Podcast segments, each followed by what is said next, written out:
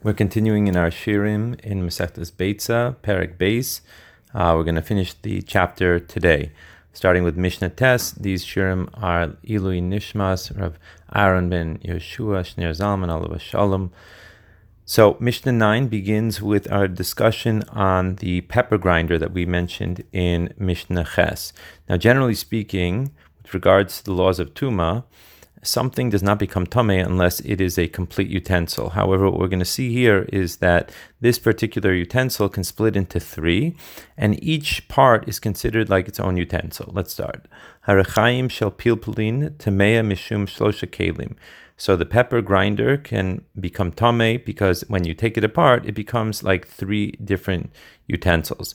Number one, mishum kli kibul. So the bottom part, which is made out of wood, is considered tame because it has a hollow part to it. That's what actually collects the powder of the pepper itself. And even though it's wood, since it has a hollow part or receptacle in it, that's why it can become tame. Number two, mishum kli matachos, the top part, which is the part which grinds, or pounds down. This is made out of metal, and therefore it can also become uh, tame. And finally, the middle part, mishum kli kabara.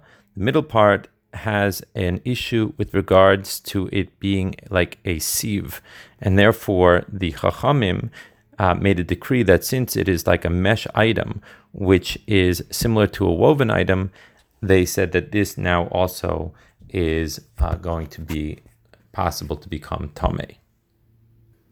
Mishnah Yud. Here we're going to be speaking about the Tuma of Medris. Now, Tumas Medris uh, is essentially a Tuma that when a person who is Tame, like for example a Zav or a Zava or a Nida, when they put their weight on an object, so then the Tuma of the object becomes the same like the person himself. So it would become an Av Hatuma. So here we're talking about a wagon or a stroller of a child. And it says like this Agala shel katan tamea medris. So the child's wagon or stroller can become tumas medris, just like the child himself, if the child is a zav and he leans on it or sits on it. Vinitelis b'Shabbos, however, since it has the characteristic of a kli, therefore it is not muksa on Shabbos and it can be moved. However, ve'ena nigreres ela al kelim. However, this Tana holds according to Rabbi Yehuda, and therefore he holds a davar she'ena miskavin, something that you do not have intention for, still is considered assur. So therefore, when you will push it over the ground, you need to actually put clothes down underneath it. So therefore, it does not make a groove on the ground. Otherwise, it would be considered like the malacha of plowing. Rabbi Yehuda Aimer, Rabbi Yehuda says, this is another Tana which is disagreeing with the first Tana, i.e., there's two opinions of the way Rabbi Yehuda would hold in this.